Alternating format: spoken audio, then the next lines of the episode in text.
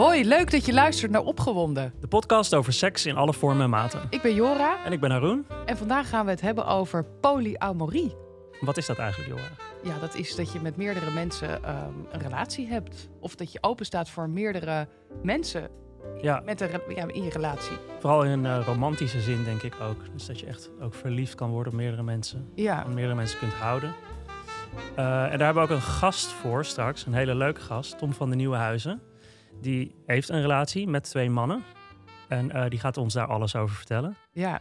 En ik ben heel nieuwsgierig, want ja, ik, ja, nou ja, ik, ik heb wel eens die wens dat ik denk... oh, wat zou het fijn zijn als je met meerdere mensen een relatie hebt. Zodat je niet altijd gefocust bent op één iemand.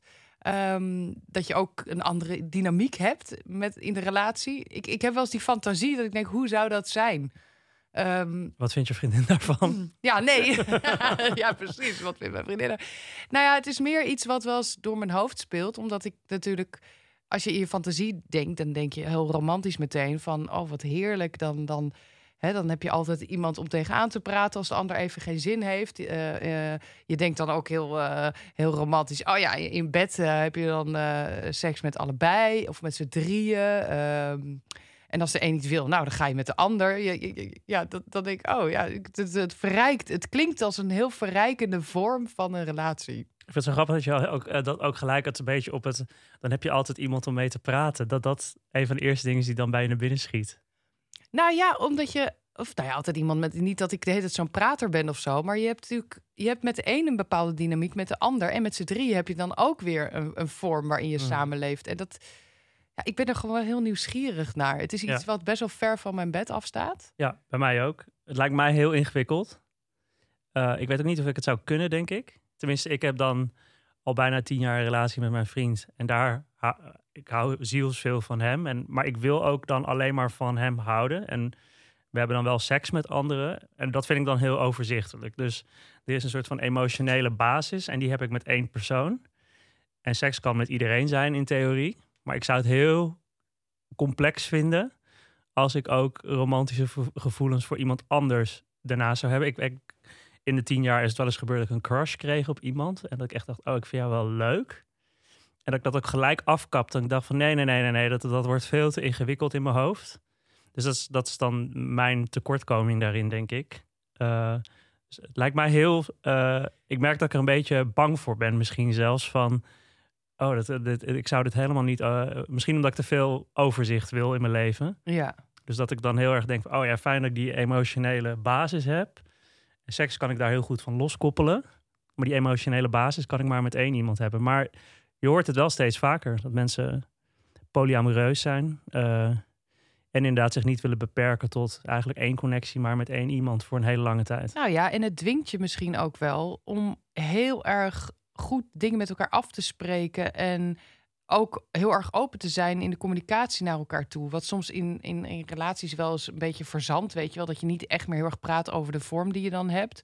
Omdat het gewoon een bekende vorm is. Mhm. Ehm, maar als je een, een, een nieuwe vorm beleeft, dan, dan, dan, ja, dan word je echt uitgedaagd om goed met elkaar te communiceren.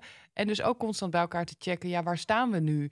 Ehm, en dat, dat lijkt me er ook wel boeiend aan. Dat je heel bewust ook ehm, je relatie ehm, beleeft. Nou ja, en je hoort wel ook, en dat hoor je ook steeds vaker gewoon in, nou niet eens monogame relaties, maar één op één relaties, dat mensen ook steeds meer beseffen van één partner kan je niet alles geven. Weet je wel, je kan nooit 100% vinden bij één partner. Er is altijd iets wat je misschien mist en wat je wel bij een ander kan vinden. Dus ehm, polyamorie zou daar een oplossing in kunnen zijn. Dat inderdaad, als je met je die ene partner misschien beter kan praten en met je andere partner veel meer kan lachen, eh, of dat je met één partner op die manier seks hebt en met de andere op een andere manier. En dat jullie met z'n drieën weer op een hele andere manier seks hebben. Dan zou dat natuurlijk een oplossing kunnen zijn. Misschien moeten we eens vragen aan onze gast. Ja, Tom, kom erbij. Kom erbij. Alsof we een of andere spelshow hebben. Ja. Ja, dat- Achter deur nummer twee Ja. staat Tom. ja Tom, kom er maar bij, jongen. Hallo, hallo. Hallo, Ja. goedemorgen Tom. Goedemorgen. Ja, Ja, fijn welkom. dat je. Fijn Fijn- dat je welkom in de bent. studio. Ja. ja, helemaal in Amsterdam. ja. Ja, want je komt uit Utrecht, hè? Klopt. Ja. Ja. En ehm, ja, eh, even eerst al gewoon de, de eerste vraag die we altijd... Wat, wat vond je van wat we net allemaal vertelden? Wat ik ervan vond. ehm, ik vond het wel grappig. Ehm, ik vond de inleiding ook wel interessant. Ehm, ik eh, triggerde heel erg op toen je begon over dat het een oplossing was voor allerlei problemen in monogame pro- eh, relaties of zo. Mhm.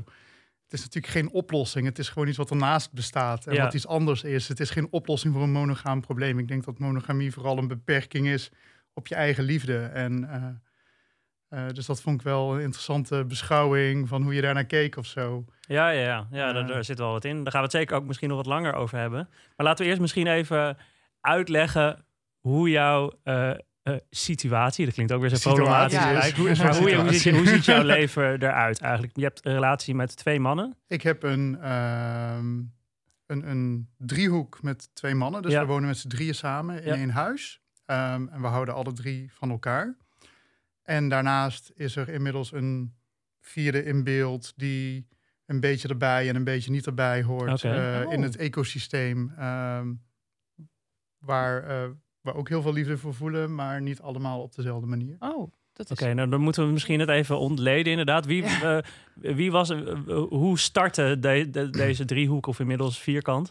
Eh, wat was de basis, zeg maar? De basis was, eh, nou, ik, eh, ik ben getrouwd met mijn man. We zijn Ja. 18 jaar samen al.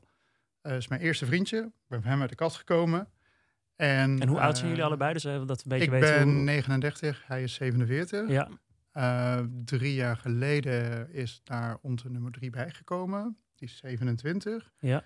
Ehm, en wij wonen dus met z'n drieën samen. Mhm. En sinds een jaar is er een nummer vier waar ik een enorme crush op heb. En ehm, die is 34, als je dan toch alle nummers wil weten. Ja, ja. Ehm, maar hij heeft ook zelf een stabiele relatie met een ander. Ehm, en zij wonen samen. En, en even terug naar dat begin, hè? want je bent dus, je wordt verliefd op, op een man. ehm, je bent al heel lang met hem samen. Je trouwt. Wanneer, ja, wanneer kwam je erachter van, hé, hey, wacht eens even, ik, ik zou wel eh, een andere vorm willen in de relatie? Of is dat iets wat gewoon maar eigenlijk- ontstond? Eigenlijk niet. Eh, ik, eh, dat ontstond. Ik had even tijd tussen twee banen in. Ik ging een biertje drinken met een jongen die, ik, die mij berichtjes stuurde op een dating app. Ehm, en ik had tijd, dus we gingen op maandagavond een biertje drinken. En hij wilde een keer naar een feestje waar dat hij niemand had om mee naartoe te gaan. En wij gingen altijd naar homofeestjes, circuitfeestjes. Dus ik zeg, nou ja, kan thuis wel eens overleggen. En dan kun je misschien mee. Heb je een veilige basis. Altijd leuk, altijd gezellig. En toen kwam die twee weken later bij ons thuis. eh, en mijn man ging de deur open doen en hij kwam boven. En ik zag aan zijn gezicht dat hij verliefd was. ik zag het gewoon aan zijn gezicht. Ja? hij was gewoon helemaal gevallen voor die jongen. En eh, nou ja, toen eh superleuke avond gehad. En Met z'n drieën al? met z'n eh, drieën die oh ja. avond lekker naar dat feestje geweest. Gezellig gedanst, super gezellig. Werd veel meer een feestje met z'n drieën dan. eh, we zijn met vrienden en hij kan een veilige basis hebben en een beetje rond ontdekken hoe dat feestje Meer een is. soort van date met z'n drieën eigenlijk. Het, het, het werd in één keer een date met z'n Ja. drieën, maar dat was helemaal niet de bedoeling. En ehm, nou, dat was 9 februari. Nou, 14 februari hebben we met z'n tweeën Valentijnsdag gevierd. En aan het einde van de dag, eh, toen we terugkwamen van eten en een beetje te veel alcohol al- op hadden, toen appte die, ik ben in de buurt, zal ik langskomen? En hij is eigenlijk nooit meer weggegaan. Wauw, wat Wauw. een mooi verhaal zeg. Dus eh, we, we noemen onszelf ook een lesbisch tempo hebben, maar ik weet niet of dat heel erg een stereotype is. Ja, dat- daar, daar is hier best ruimte voor. Zeker, nou al wel. Is dat een vooroordeel? Nou, meestal is het bij lesbiennes dat je maar hoeft te knipogen en de verhuisdozen staan al in je kamer. Maar dit is ook vrij snel. Dit is zeker, dit Ja. past zeker in het rijtje van lesbisch Ja. tempo. Ja. Maar even nog, eh, eh, even nog, even nog naar je, je, de relatie die je ooit begon met je, met je eh, eerste man. Ja. Ehm, waren jullie toen monogaam of hadden jullie daar Wij zijn nooit afspraken over? monogaam Nee. geweest. Ik kwam Nee. uit de kast van hem en ehm, ik wilde helemaal geen relatie. Want ik eer- wilde eerst wel eens ontdekken wat dat was. Ik had altijd relaties gehad met meisjes. En ehm, nou ja, wat is dat dan met jongens en hoe doe je dat dan? En wat kun je nou allemaal beleven? Ja, dat wilde ik eerst wel eens even ontdekken. Dus ik had helemaal geen zin in een relatie. Want nou ja, mijn beeld van relaties was, dat doe je met z'n tweeën. En dan Ja. is het klaar. Ja. En ik denk, ja, dat is heel leuk en aardig. Maar dadelijk vindt hij drie dingen leuk en ik vind er misschien wel zeven leuk. En dan? Dus vanaf het Dan begin eigenlijk waren jullie al helemaal open daarin, zeg maar. En dat is eigenlijk altijd zo gebleven. Ja, en dat gaf ons ook, dat, dat maakt het ook heel relaxed voor ons. Want daarmee had je allebei de ruimte en de vrijheid om eh, nou nou ja, je seksuele ontwikkeling door te maken zoals je hem zelf wilde doormaken. En het eigen pad te kiezen wat je daarin wilde. En als dat parallel liep, dan deed je het lekker samen. En als dat niet parallel liep, dan, nou ja, dan waren daar andere mensen voor. En hoe merk je dan, want als je dus in die jaren daarvoor gewoon, ja, vooral seksuele contacten hebt met anderen, Mhm. daar is nooit eerder voorgekomen dan dat je ook echt ja, verliefd werd op iemand anders. Was dit de eerste keer dat je buiten je man om verliefd werd op een ander? Of- Nee, dat is niet de eerste keer geweest. Wel de eerste keer dat ik het toelaat. Oh ja, want Ja. eerst heb je dat een Die beetje angst die jij tegengehouden. Ja, ja. Die, die herken ik wel. Ik kom heel erg uit een opvoeding ehm, en een omgeving waarin monogamie natuurlijk de standaard is en het enige vorm van relatie. En waarbij liefde voor een ander wordt gezien als een bedreiging ten opzichte van de liefde die je hebt voor je nou ja, oorspronkelijke partner of je eerste partner. ja. Ehm, terwijl als je er eigenlijk over nadenkt, eh, hoeveel minder ga je houden van je eerste kind als je een tweede kind krijgt? En hoeveel minder ga je houden van het tweede kind als je een derde kind krijgt? Ja, Liefde precies. is geen taart. Nee. Hè? Je hoeft het niet in punten Nee, te nee, nee, snijden. dat kunnen we later ook nog. Maar wat En- ik probeer te zeggen is, dus dat heeft niet eens met monogamie te maken natuurlijk. Er zijn heel veel gays die inderdaad met z'n tweeën Ja. een relatie hebben. Van heel veel van elkaar houden. Inderdaad ook open zijn op het gebied van seksueel vlak. Dus het heeft niet eens te maken met monogamie, denk ik. Maar wel toch die angst inderdaad van... Als ik naast mijn partner ook op iemand anders verliefd word, is dat eng. Dus heb, heb, je- heb je dat in het begin ook gevoeld? Dat heb ik in het begin Ja, ook ja, gevoeld. Maar dat ja. komt wel heel erg voort vanuit al die beelden waarmee je Ja. wordt opgebracht. Dat je een soul, één soulmate hebt of zo, Ja, dat idee. Terwijl, ja, ja. nou ja, ik inmiddels tot de conclusie ben gekomen dat dat natuurlijk gewoon ook maar gewoon een construct is wat we zelf hebben bedacht. Ja. Maar hoe zorg je er dan voor dat je dus, want dat is altijd de vraag die mij bezighoudt. Hoe zorg je er dan voor dat je binnen, binnen je relatie, hè, dus, dus, dus, als je nog met z'n tweeën bent en je hebt een open relatie in eerste instantie, hè, hoe zorg je ervoor dat je, eh, nou, als we het hebben bijvoorbeeld over seks, dat je dat nog boeiend houdt tussen jou en je, mm, de partner waarmee je samenleeft? Nou, weet je hoeveel inspiratie je buiten de deur kunt opdoen, Nou, wat je thuis nee, te- kunt nee, inbrengen? Nee, het is nou, dus geen, dat- het is geen ja, ja, toch? nou, Want ik dat- denk gewoon, ik ben gewoon serieus nieuwsgierig van hoe, hè, dat vraag ik ook wel eens aan Haroon. Dat ik denk, ja, maar hè, dat zou mijn angst zijn. En ik denk, ja, maar ik wil nu zo graag met dat, met het nieuwe, eh, nieuwe wezen wil ik dan iets doen. En die, ja, dat je denkt, ja, die partner, die ken ik al wel een beetje. Dus, dus, dus. Nou, ik vond het superleuk om thuis te kunnen komen en wat ik nou weer heb geleerd. Ah. Ja. En even, dus in het begin, hè, dus toen, toen eh, j- jullie nieuwe vriend eigenlijk bij jullie introk, Ja. eh, kun je iets vertellen over hoe dat eh, de dynamiek thuis veranderde? Wat, voor- wat voor dingen gebeuren er dan? Waar moet je rekening mee houden? Hoe werkt dat, een relatie in eerste instantie dus met z'n drieën? Eh, nou, je hele wereld staat op de kop. In principe is je relatie klaar en begin je een nieuwe relatie. En dat is super eng.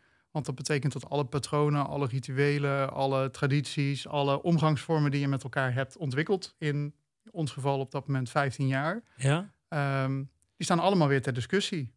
Dus eigenlijk die, die standaardschroef waarin je hebt leren samenleven, die heel stabiel en veilig voelt, die is helemaal weg. Dus je hele fundament valt weg. Want je Kun je, gaat kun, je, kun je voorbeelden noemen van dingen die dan gewoon op in dagelijkse zin veranderen, zeg maar, als je met z'n drieën Wij, bent? wij hadden een soort onuitgesproken taakverdeling met elkaar in het huishouden. En dan ga je het huishouden met z'n drieën doen. Dus en dan moet je het met z'n drieën tot elkaar verhouden.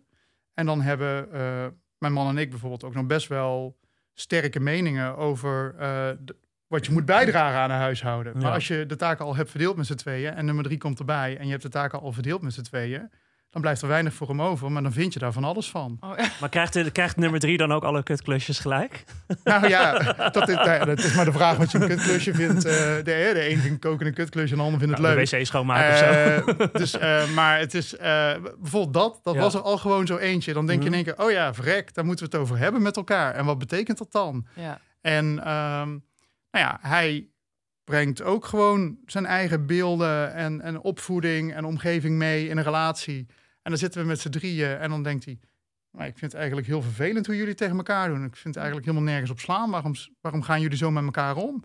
Ja, je hebt een soort van scheidsrechter in, waar je, die je normaal niet had in ruzies misschien. Nou, het gaat niet eens over een scheidsrechter. Het gaat iemand over die de status quo betwist, omdat het niet zijn status quo is, maar Ja. onze status quo, omdat dat onze omgangsvorm is Ja. met alle shit die dat we de afgelopen 15 of 20, eh, nou, 15 jaar hebben meegemaakt. Waarin we natuurlijk van alles hebben meegemaakt samen. Ja. Wat heeft geleid tot een bepaalde vorm van Ja. samen zijn, die niet per definitie de beste is ook voor ons twee. Nee, nee. Maar gewoon is omdat die zo is. Ja.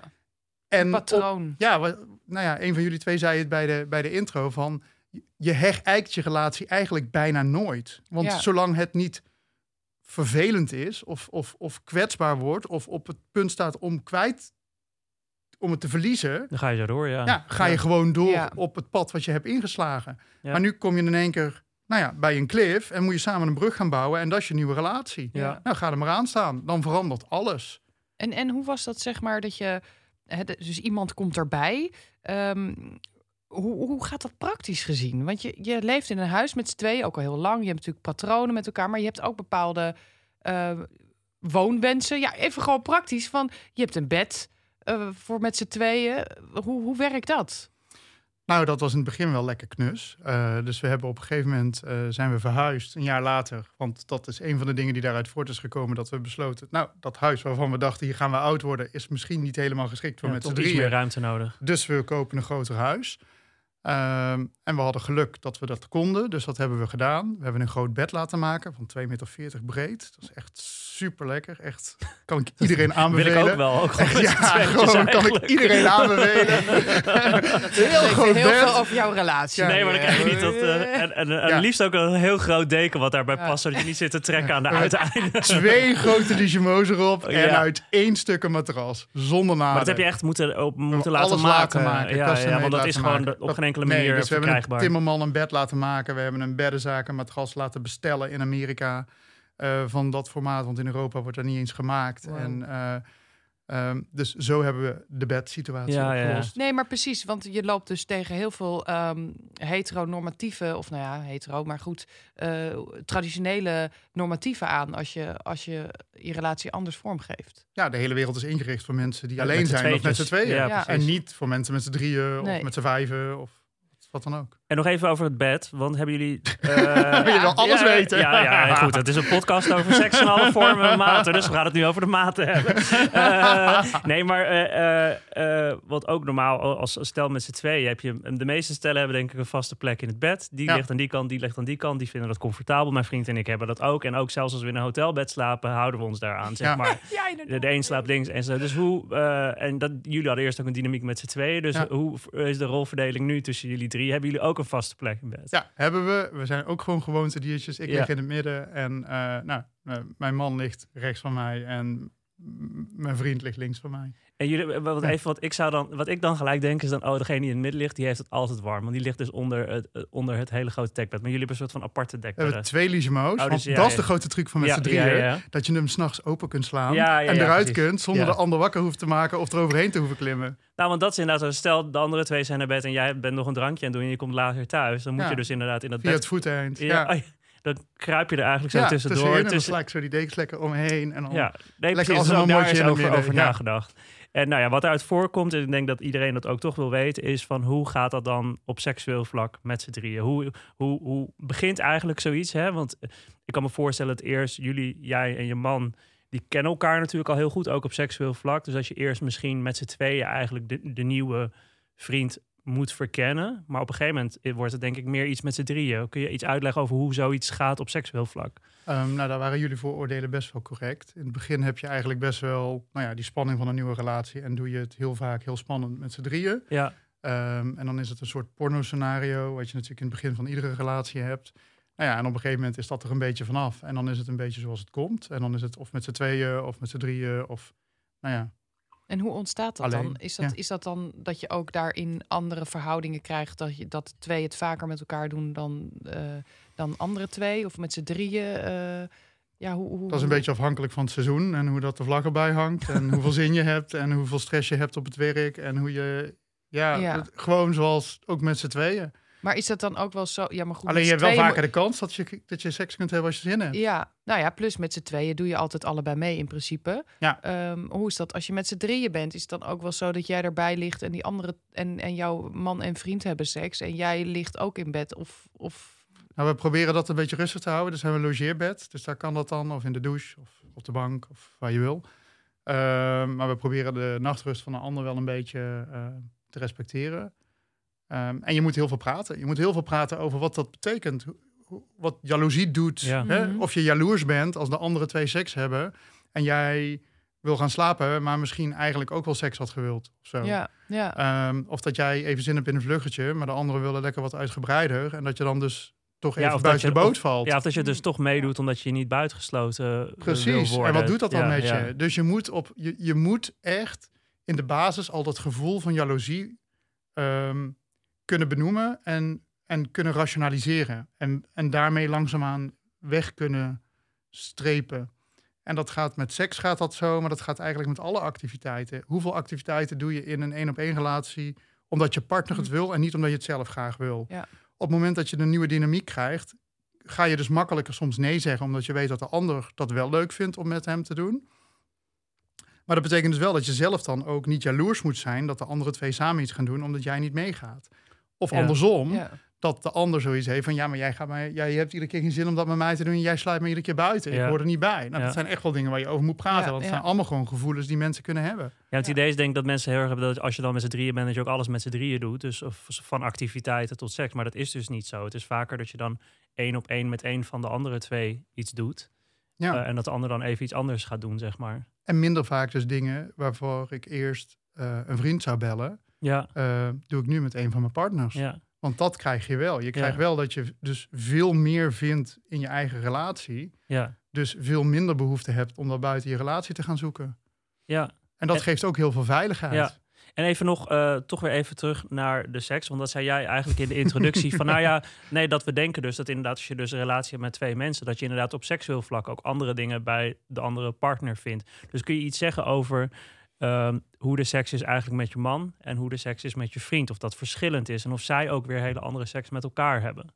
Eh, ja, is het korte antwoord erop. Maar Ja. je wil vast zeker meer weten. Ja, en wat je Eh, erover wil, wil vertellen. Maar ik denk wel dat het natuurlijk interessant is om te Nou ja, we, hebben alle drie onze eigen, ehm, onze eigen voorkeuren en onze eigen ontdekkingstochten daarin. En ehm, eh, je kunt je voorstellen dat ik was 21 toen ik mijn man leerde kennen. Ik, eh, ik kende twee standjes eh, met mijn vriendin. Ehm, eentje lag ik bovenop en de ander zat zij er bovenop. En veel verder kwamen we eigenlijk niet. Dus dat was heel recht toe, recht aan. Nou, en ik heb niet super veel seksuele voorlichting gehad. Hè. We, we hebben eh, ooit een keer een condoom leren omdoen om een, om, om een dildo. En heel veel verder kwam het niet bij ons bij seksuele voorlichting Ja. op school. vind ik al veel. Ja, Ja. nou ja, en dat was ook meteen aanleiding om met die lessen te stoppen. Want dat vonden ze allemaal veel te heftig. Ehm, dus je komt eigenlijk super bleu in een wereld waar je niks van af weet.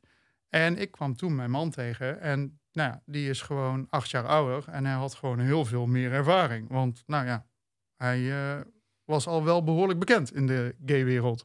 Ehm had vijf, zes vriendjes afsleten en eh, seksueel super actief. Dus ik heb onwijs veel van hem geleerd. Maar Mhm. wel vanuit zijn perspectief en van wat hij leuk vindt en hij Ja. lekker vindt. Nou, en op een gegeven moment ga je zelf door een seksuele ontwikkeling heen... waarin je ontdekt van... hé, maar ik vind dit ook super interessant of ik vind dit heel lekker. En dan merk je dat hij dat dan wel doet voor mij... maar niet omdat hij het zelf zo graag wil. Ehm, en op een gegeven moment merk je dat aan elkaar. En ik weet niet of je dat zelf herkent uit een relatie... maar nou ja, in de meeste relaties ga je op een gegeven moment over op een soort... Nou ja, ge- gemeenschappelijke deler. Dit vinden we allebei lekker. En dan krijg je een soort vaste routine die je Ja. afwerkt. Ja, en je vindt het allebei prima. Ja, dat. Het is geen. Je, nou ja, het is niet meer seks waarmee je de sterren van de hemel neukt, maar je bent wel met elkaar eh, content in seksleven. Ja. Ja. Ehm, En en dat, herkenbaar. Ja. en dat is, Ja, ik ook. en ik denk, ook wel, maar ik denk dat dat voor iedereen geldt. En Ja. soms heb je dan in één keer een opleving. eh, en dan eh, koop je een speeltje of dan doe je een keer iets spannends met elkaar. En dan Ja. denk je allebei weer, wow, ja, hoe dit gaaf moeten we dat? altijd doen. ja, en dan vervolgens ga je toch weer dat standaard gemeenschappelijke delerpakketje afspelen. En kun je dan misschien beschrijven wat je dan bij je nieuwe vriend vond, wa- wat, wat, wat, inderdaad dat gevoel weer gaf? Nou, Wow. ehm, eh, zonder in eh, allerlei details te gaan treden, want daar heb ik niet zo heel veel behoefte aan. Oké. Eh, eh, maar een deel van mijn ontdekkingstocht, ehm, die, die was toch wat kinkier dan die met mijn huidige partner. Mhm.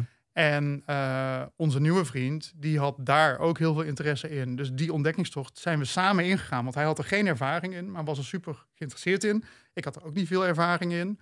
Moest het ook ontdekken. En we zijn dat samen gaan ontdekken. En dat was onze seksuele reis samen. En zo hebben jullie eigenlijk jullie nieuwe vriend ontmoet via die weg? Of, nee, of- helemaal oh, niet. die sorry. weg zijn we ingeslagen Ja. nadat we die relatie Oh, ja. hadden gestart.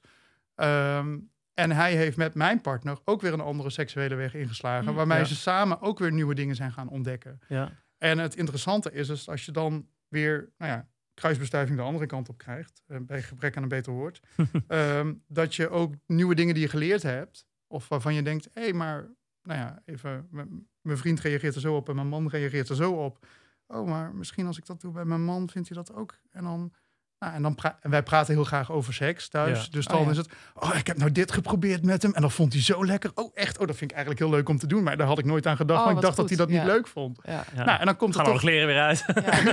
Ja. soms wel, soms niet. Maar Ja. de je, je, doordat wij ehm, als basis hebben dat we radicaal open praten over Ja. alles thuis, ehm, praten we daar gewoon ook heel uitgebreid over. Niet, we hebben net seks gehad en het was lekker. Nee, we hebben net seks gehad. Oh, wat hebben jullie dan gedaan? En dan is het gewoon chronologisch helemaal vertellen wat je hebt gedaan en wat je lekker in vond. detail. eh, Ja, precies. En toen ging die vinger er zo diep in. En nou ja, Ja. eh, dat niveau. Is dat nodig om, om zoiets te laten werken? dat weet ik niet. Voor ons werkt dat heel goed. Voor Ja. ons werkt het heel goed dat, we, dat alles bespreekbaar is. Dat niks te gek is om op tafel te leggen. En dat we heel erg proberen, en dat lukt de ene keer beter dan de andere keer, om te accepteren van elkaar dat je ook gewoon verbaasd kunt zijn of dingen kunt opmerken zonder er meteen een waardeoordeel Ja. over te hebben, waardoor je dingen niet altijd hoeft te zien als een aanval of persoonlijk hoeft te nemen. Maar ook gewoon de verwondering van een ander eh, er kan zijn en je daar gewoon op een normale manier mee omgaat en daarover kunt praten. Dat iemand een beschouwing of een observatie kan delen met je, Ja. zonder dat je het meteen als een aanval ziet Ja. of een oordeel, maar gewoon kunt uitleggen waarom je het doet en dat dat ook oké kan zijn. Ja. Dus dat proberen we heel erg. Ja. Dat lukt de ene keer beter dan de andere keer. We zijn ook gewoon mensen. En, en hoe, hoe reageert eh, jouw omgeving op, op jouw ecosysteem? Waar loop je tegenaan? Loop je tegen dingen aan? Ehm, dat zijn volgens mij twee verschillende vragen, maar het is, eh, mijn omgeving moest er even aan wennen. Vooral mijn ouders. Ehm, en ook de ouders van onze nieuwe vriend, die moesten eraan wennen. Ehm, zij vooral, wat moet je nou met twee van die oude mannen? En eh, mijn moeder heel erg vanuit, wat betekent het nou? Als je, wat betekent dat nou voor je relatie met je man? En hou je dan nog wel van hem? Of is dit iets om het te repareren? Is het een beetje zoals een kind of een hond eh, om de relatie te fixen? Eh, nou ja, dat soort reacties krijg je wel. En voor de rest zijn mensen vooral heel geïnteresseerd in of we het altijd met z'n drieën doen en wie Ja. waar slaapt in bed. Ja, Ja. ja. Ja. Maar inderdaad voor, je, voor ouders, want die, die zijn natuurlijk ook op, op je trouwerij geweest. En die denken daar Ja. waarschijnlijk nog heel erg aan van... hè, maar jullie zijn toch met elkaar getrouwd en is dat dan niks meer waard? Dat, dat is denk ik hoe ouders misschien een beetje er tegenaan kijken. Nou, het enige waar mijn vader protest tegen heeft aangetekend is het feit dat wij hadden bedacht dat we een scheidfeest voor de liefde wilden houden. Omdat we heel graag radicaal alles gelijkwaardig willen hebben. En dat Mhm. zou dus betekenen in de Nederlandse wet dat wij moeten scheiden en dan Mhm. bij de notaris alles moeten regelen met z'n drieën. Dus we dachten, dan geven we een feest omdat we scheiden en geven een scheidfeest voor de liefde. En, Vond je eh, vader niet zo leuk? en mijn vader was de getuige van mijn man. Dus ehm, die had zoiets van, ja maar hallo, eh, ik heb niet voor niks mijn handtekening gezet. nee, want dat bedoel ik eh, inderdaad. dus- Ouders die, die maar- denken daar toch meer in dat op soort dat- tradities. Op dat Ja. niveau. Ja. Eh, mijn ouders moesten eraan wennen, moesten wennen aan het idee, hebben hem leren kennen. Ehm, weten ook dat ik mijn leven gewoon op de rit heb. Dat ik niet allerlei.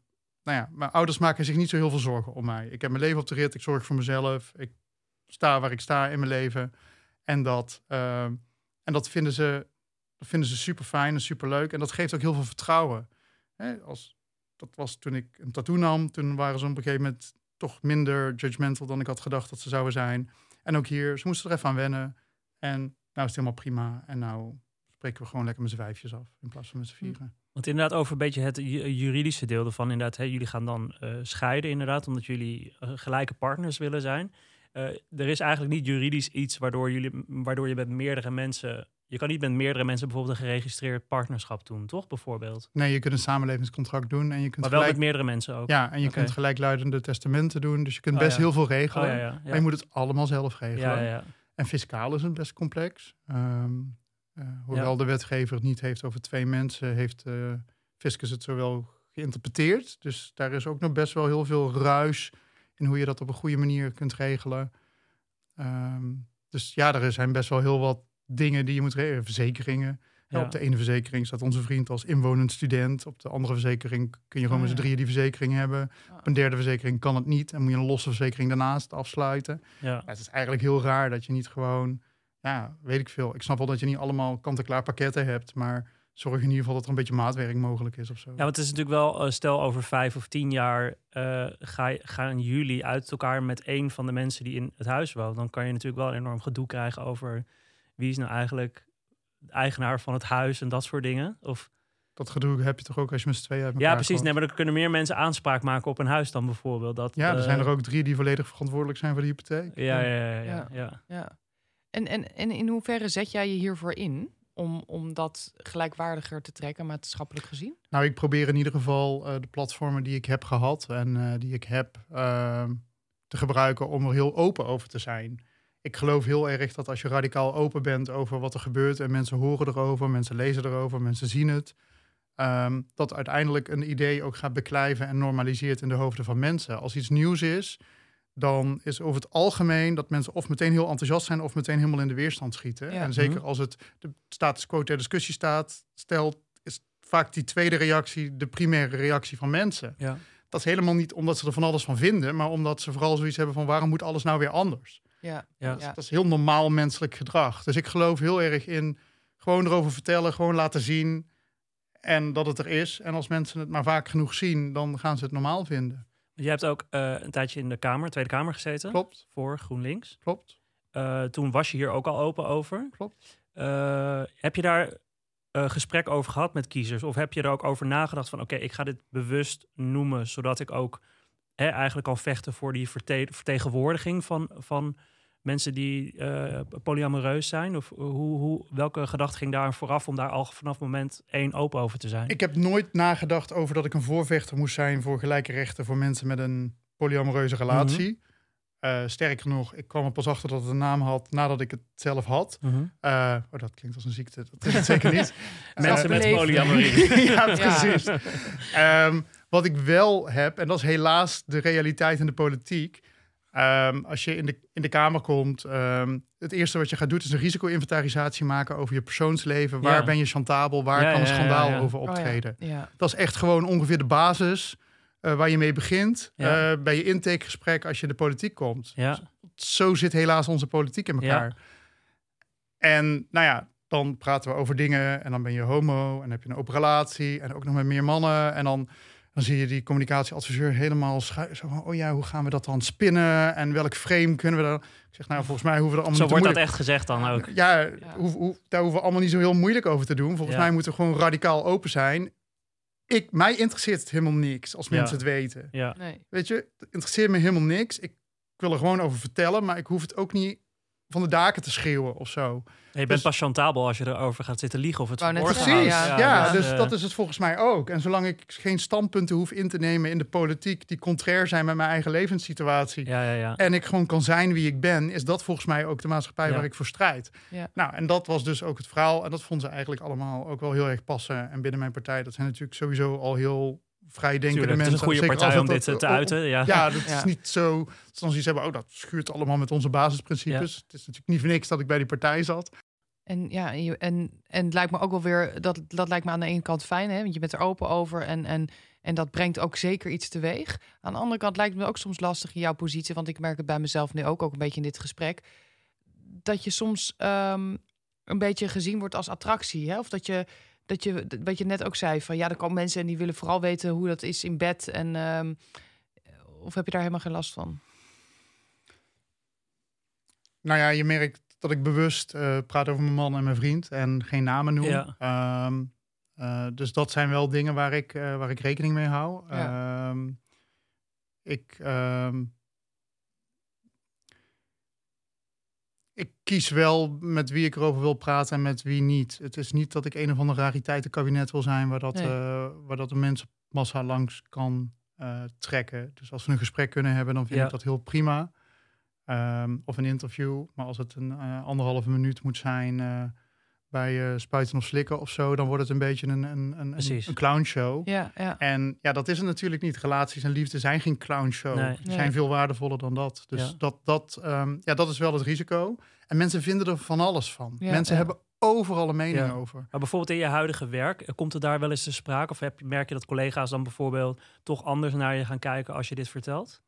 Ehm, helemaal niet eigenlijk. Sterker nog, de gemeente Amsterdam heeft eh, anderhalf jaar geleden, ik werk nu bij de gemeente Amsterdam, ehm, zijn ze bezig geweest met diversiteitsbeleid. En een van de dingen die mij opviel is dat ik ehm, niet een, een wie te bellen als er iets gebeurt met je, dat ik daar maar één naam kon doorgeven en één telefoonnummer. Hm.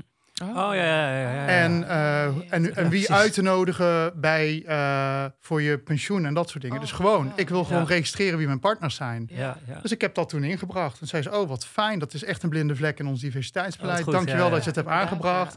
En, eh, en het is veranderd. En Ja. ik kon twee namen doorgeven. Of ja. Ja. ja, er zijn gewoon nu, nu wat meer vakjes. En je kunt gewoon nu wat meer namen Ja. doorgeven. Gewoon dat soort hele basale Ja, ja, dingen. ja, ik, Ja, het is ik- goed dat jij dat inderdaad Ja. eh, op de kaart kan zetten, inderdaad. ja, maar ja, als, je maar, als jij uit een wereld komt waar iedereen een relatie heeft met één persoon, dan is het gewoon een blinde vlek. Dan kan ik iemand toch ook gewoon niet kwalijk nemen dat je er gewoon niet over nadenkt. Dat doe je niet vanuit het idee, ik ga nou eens even lekker die mensen met meer relaties eh, eh, lekker pesten of zo. Nee. Ja.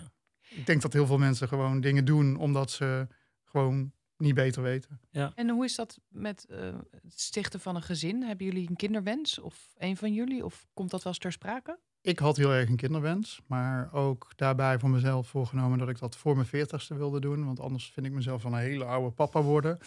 Ehm, en dat is drie keer misgelopen. Ik heb drie keer in een traject gezeten met eh, vrouw-vrouw stellen. En ehm, ja, dat is drie keer helemaal misgelopen. Mm. Dus dat, eh, dat was helaas een, eh, een gepasseerd station. Ja, oké. Ja. Voor jou een gepasseerd station? Of ook, want, want je hebt natuurlijk, oh, oh, ja, jullie zijn met meerdere Ja. mannen. Is Ja, dat- zij hebben toch veel minder die kinderwens Oh, dan ik. ja. Ja. Ja. Dus dat was meer vanuit, nou, als jij dat wil, dan steunen we dat en dan omarmen we dat. Maar ehm, bij mij was het wel heel erg van, ik wilde heel graag papa zijn. Ja. Ja. Mm. En ehm, wat, eh, wat, want we, gaan een beetje richting het einde, maar wat ik heel graag nog wel wil weten is, kijk, relaties staan sowieso steeds meer, nou niet, eh, er zijn nieuwe vormen, allerlei vormen van relaties, niet alleen maar polyamorie, maar mensen zijn inderdaad in wat voorheen een monogame relatie was, experimenteren meer met anderen. Eh, er zijn allerlei vormen te bedenken, maar wat zouden mensen eigenlijk kunnen leren van mensen die polyamoreus zijn? Wat, wat, wat, wat, is dit eigenlijk de, de, de way, zeg maar, vind je? De- zou iedereen dit moeten zijn? Ik, ik geloof oprecht dat liefde ehm, het mooiste is wat er is. En hoe meer liefde je hebt in je leven, hoe, hoe rijker je wordt. Dus ik kan me niet voorstellen dat, dat je liefde wil beperken tot het krijgen van één persoon of Mhm. het geven aan één persoon.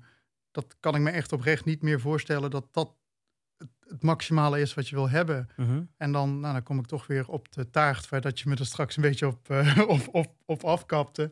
Ehm, ik, ik geloof echt dat, dat liefde geen taart is, maar meer de bakkerij. En hoe meer taartjes je maakt, hoe leuker je etalage eruit ziet en hoe meer verschillende smaken je hebt. En, en hoe lekkerder het wordt. En, eh, dus ik gun iedereen zoveel liefde als je wil. Het is wel dat je daarmee je idee van jaloezie ehm, eh, los moet laten dat jij van meer mensen kunt houden, betekent ook dat je partner van meer mensen Ja. kan houden. En dat dat ook de liefde van hem of haar voor jou niet comprimeert. Ja. En als je dat echt kunt voelen in je hart, dan kun je zoveel liefde krijgen en geven. Maakt de wereld alleen maar mooier. ja. Maar dat vergt dus wel een heel, heel sterk, sterk karakter eigenlijk. En dat, dat zullen niet heel veel mensen hebben, denk ik. In ieder geval het rationaliseren van een aantal emoties die we primair voelen. Mm. Ja, Ja. ja, ja. En dat komt toch voort uit onzekerheid en beelden waar we mee opgroeien. Ja, Ja. dat is wel zo, ja. En, en eh, welke, wat, wat, eh, eh, nu, nu toch die kans hebt, welke vooroordelen over eh polyamoreuze en polyamoreuze relaties zou je het liefst de wereld uit willen helpen? Waar hoop je dat mensen op een gegeven moment gewoon niet meer naar vragen of niet meer over beginnen of in ieder geval dat er niet eens meer denken? Nou, je doet het niet om je relatie te fixen. Je, je, je, wordt, je gaat niet meer liefde in je leven brengen en van iemand houden omdat je relatie slecht is. Mhm. Ehm, dus dat is één. Twee, je hebt niet iedere dag een stomende porno-trio eh, in nee. iedere hoek van de kamer. Nee, ook nou, dat is niet het Dan, geval. eh, Tom, ja, dan helaas. ja, Dan kan ik dat dus niet doen, hè? Ja, nee, eh, mooi gezegd. Ehm dankjewel, Tom. Ja. komst. Ja, dat- Heel mooi verrijkend gesprek. ja, ik heb echt ongelooflijk veel van geleerd. En eh, heel fijn dat we dit gesprek hadden. Ja. En ehm, ja, wil je dit no- nog steeds horen?